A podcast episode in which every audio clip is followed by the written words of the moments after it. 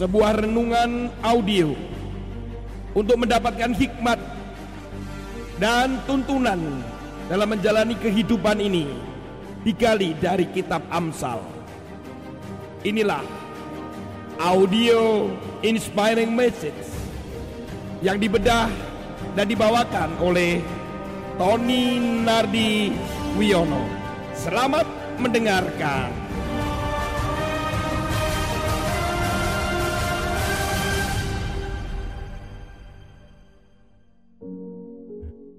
Shalom Bapak Ibu sekalian Bapak Ibu dan saudara kekasih di dalam Tuhan Bagaimana kabarnya? Selalu dalam perlindungan Tuhan dan selalu punya harapan Penuh damai sejahtera dan selalu sukacita Mari kita baca firman Tuhan pada hari ini sebagai renungan kita yaitu ada di dalam Amsal pasal 14 ayat 8 dan ayat yang ke-9. Demikian firman Tuhan. Mengerti jalan sendiri adalah hikmat orang cerdik, tetapi orang bebal ditipu oleh kebodohannya. Orang bodoh mencemoohkan korban tebusan, tetapi orang jujur saling menunjukkan kebaikan. Saudara kekasih di dalam Tuhan, dua ayat ini mengapa digabung di dalam pembacaan atau perenungan hari ini adalah karena sebetulnya kedua ayat ini membicarakan tentang orang bodoh dan orang berhikmat. Di dalam bahasa Inggris mungkin lebih dikatakan lebih jelas bahwa ayat 8 dan 9 itu berbicara tentang fools. Orang-orang bodoh, fools. Ayat yang ke-8, ayat yang ke-9 demikian. Fools orang yang bodoh.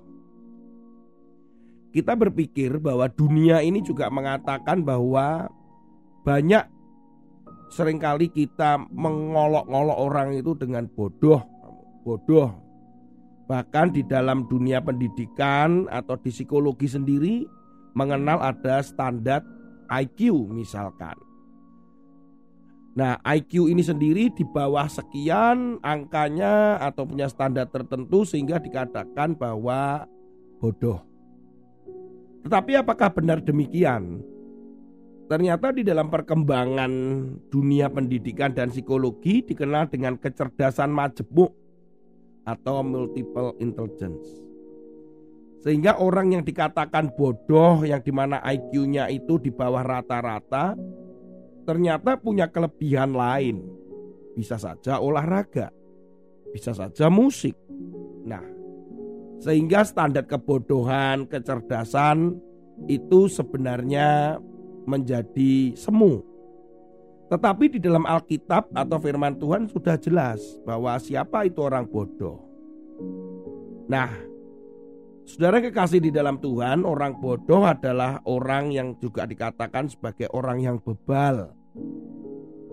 Kalau di dalam bahasa sederhananya itu diberitahu yang nggak ngerti-ngerti. Kemudian dia selalu mengambil keputusan bukan jangka panjang, tidak banyak pertimbangan, tidak memiliki hikmat, tidak takut akan Tuhan. Kemudian juga dia tidak pernah menyesal dari perbuatannya, perkataannya, sikapnya. Itu masuk dalam ranah kebodohan. Di dalam Alkitab bukan berbicara bodoh itu tidak mengerti firman atau mungkin kok tidak pinter ya ditebain ayat demi ayat kok nggak hafal-hafal bukan itu tetapi terkait dengan melakukan firman Tuhan takut akan Tuhan demikian Mari kita introspeksi masing-masing apakah kita sebenarnya orang itu. Tanpa bermaksud menghakimi, juga tanpa bermaksud menunjuk kepada siapa saudara dan saya tidak, tapi lebih baik kita saling introspeksi. Nah, kedua ayat ini, saudara, yang pertama itu adalah lebih kepada orang yang bodoh itu ketika dia mengambil keputusan itu nggak banyak pertimbangan. Sehingga dikatakan di sana adalah ditipu. Kata ditipu itu dibodohi sebenarnya, yaitu orang bodoh, orang bebal ditipu itu dikecewakan. Dikecewakan dengan kebodohannya. Ini berbicara tentang keputusan-keputusan yang diambil. Ketika kita mengambil sebuah keputusan, terus kemudian ternyata keputusan itu menghasilkan sesuatu yang merugikan. Mengapa demikian dibandingkan pada kalimat sebelumnya bahwa orang yang berhikmat itu adalah orang yang mengerti jalannya. Orang yang dipenuhi hikmat jadi bisa mengambil keputusan gitu maksudnya. Keputusan-keputusan yang diambil itu pun adalah keputusan-keputusan yang bukan menguntungkan, tetapi itu sesuatu yang baik. Nah, sebenarnya di dalam ayat yang lain, di dalam terjemahan yang lain, yaitu versi mudah dibaca, Amsal 14 ayat yang ke-8 itu begini. Hikmat membuat orang baik tahu tentang yang dilakukannya. Tetapi orang bodoh hanya memikirkan apa yang diketahuinya. Jadi ya menurut pengalamannya dia saja cukup hanya sampai pada pengalaman. Cukup hanya sampai pada pengetahuan. Pokoknya begini, demikian. Pengalaman saya begitu. Tetapi tidak ditambahi dengan hikmat. Kalau kita orang baik, kita orang benar harus menambahi semua keputusan kita itu dengan hikmat. Hikmat ini kita sudah tahu bahwa kaitannya itu selalu dengan kebenaran firman Tuhan. Cara pandang Tuhan. Apakah ini menyenangkan Tuhan? Ini melanggar firman Tuhan atau tidak? Saudara kekasih di dalam Tuhan. Beberapa waktu yang lalu saya mendapatkan berita tentang salah satu negara yaitu Rusia di mana presidennya adalah Putin dia mengambil kebijakan-kebijakan. Putin ini terkenal dengan ketegasannya. Dia mantan anggota KGB atau KGB. Dia orang yang pinter, dia orang yang tegas. Bahkan ditunjukkan di dalam beberapa klip ditunjukkan bagaimana dia itu memperhatikan masyarakatnya, bagaimana memperhatikan anak-anak kecil, bagaimana dia uh, memberikan kebijakan-kebijakan yang sepertinya berpihak pada masyarakat. Tetapi akhir-akhir ini muncul informasi bahwa dia mulai banyak membatasi terkait dengan uh, kekristenan, gereja, penginjilan, membaca firman itu dia batasi. Orang itu boleh pintar, orang itu boleh tegas, tetapi ketika dia mulai mengabaikan, mulai tidak mempercayai, mulai melarang, terkait dengan kebenaran firman Tuhan, maka bisa saja masuk di dalam ranah kebodohan itu. Saudara kekasih di dalam Tuhan, bahwa mari kita memasukkan hikmat itu dalam setiap keputusan kita. Jangan mengandalkan kekuatan melalui pengalaman Anda, melewat pengetahuan orang itu pinter dan sebagainya, kita merasa kuat dan sebagainya.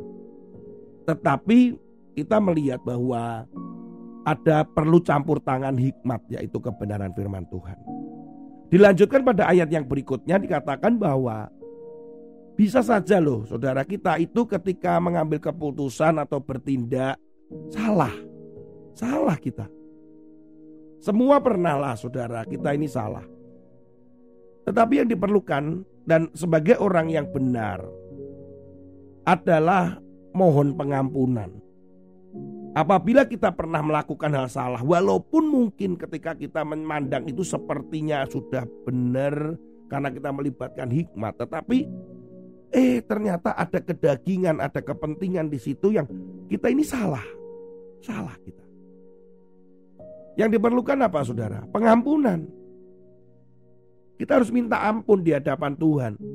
Karena dikatakan di situ adalah korban tebusan. Korban tebusan ini Kata-kata korban tebusan ini hanya sekali saja disebutkan di dalam Amsal pada ayat ini saja loh saudara. Ini berbicara tentang korban tebusan di perjanjian lama selalu kita ingat bahwa itu adalah korban pengampunan juga. Minta ampun tetapi orang bodoh dikatakan.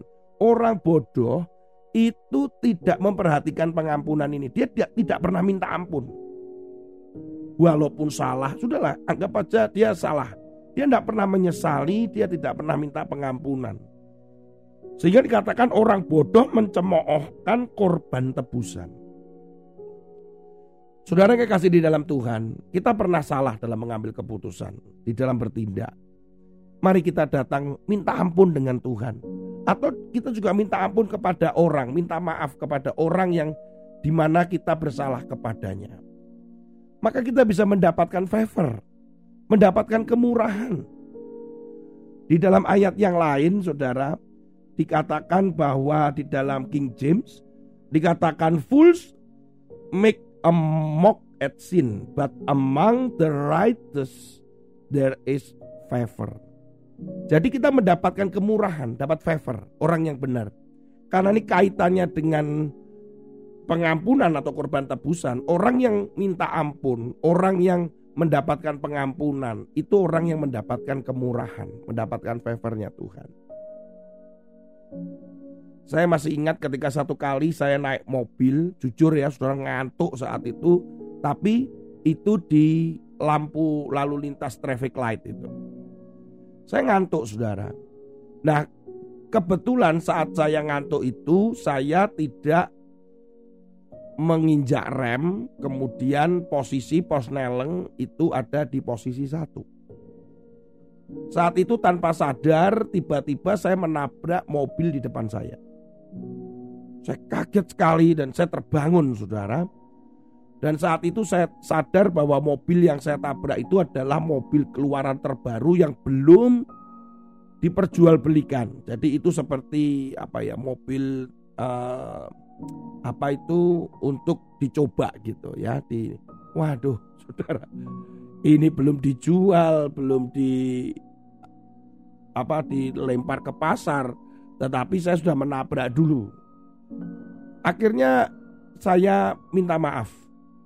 Kemudian saya mengikuti mobil ini di dealernya dan memang benar mobil ini adalah mobil yang belum terjual jadi orang yang naik tadi yang saya tabrak itu adalah orang yang mencoba mobil itu bersama dengan uh, salesnya. Dan dia bilang, Pak saya ini uh, nggak tahu nanti bagaimana keputusan perusahaan karena ini juga baru. Saya cuma sebagai sales dan bapak yang satu ini kan cuma mencoba mobil gitu ya test drive. Ya sudah saya bilang ya saya minta maaf, saya memang ngantuk, ya sudah apa pun resikonya ya sudah saya harus ganti. Kemudian saya bertemu dengan manajernya, kembali lagi saya minta maaf, saya ketemu di dealer itu. Saudara kerusakannya ya dikatakan parah ya parah, dikatakan enggak ya enggak, tapi pasti penyok. Nah saudara tiba-tiba sang manajer berkata, sudah nggak apa-apa pak, sudah nggak apa-apa katanya, nggak perlu diganti. Waduh, saya mendapatkan favor, saya mendapatkan kemurahan saudara. Saudara, kalau kita itu berbaik, minta maaf, kemudian mengakui kesalahan di hadapan Tuhan maupun mungkin orang lain, ya kita harus siap menerima resikonya ya, akibat-akibat itu kita harus terima.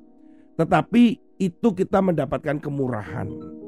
Kita bisa saja mendapatkan pengampunan, kemudian kita mendapatkan kemurahan lah, kita dapat berkat yang mungkin bukan sembarangan gitu. Sudah kayak kasih di dalam Tuhan. Jangan jadi orang bodoh. Jadilah orang benar yang penuh hikmat. Jadilah orang yang senantiasa mengandalkan Tuhan dan menggunakan sudut pandang Tuhan di dalam pengambilan keputusan kita. Kalau toh pun kita salah, mari kita minta ampun di hadapan Tuhan. Dan itu kita bisa mendapatkan favor. Saya percaya saya aja ketika anak saya minta ampun, minta maaf kepada saya, hati itu bisa luluh apalagi Tuhan. Dia menyayangi saudara, minta ampun di hadapannya. Tuhan Yesus memberkati saudara. Haleluya. Amin. Oleh karena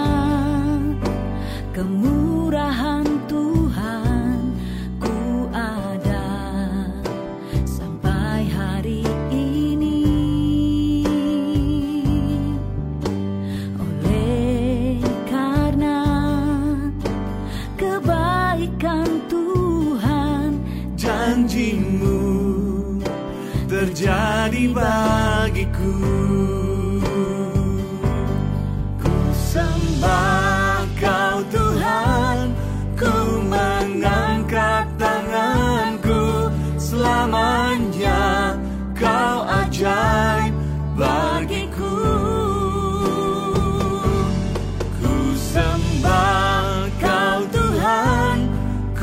mengangkat wajahku selamanya kau hebat bagi.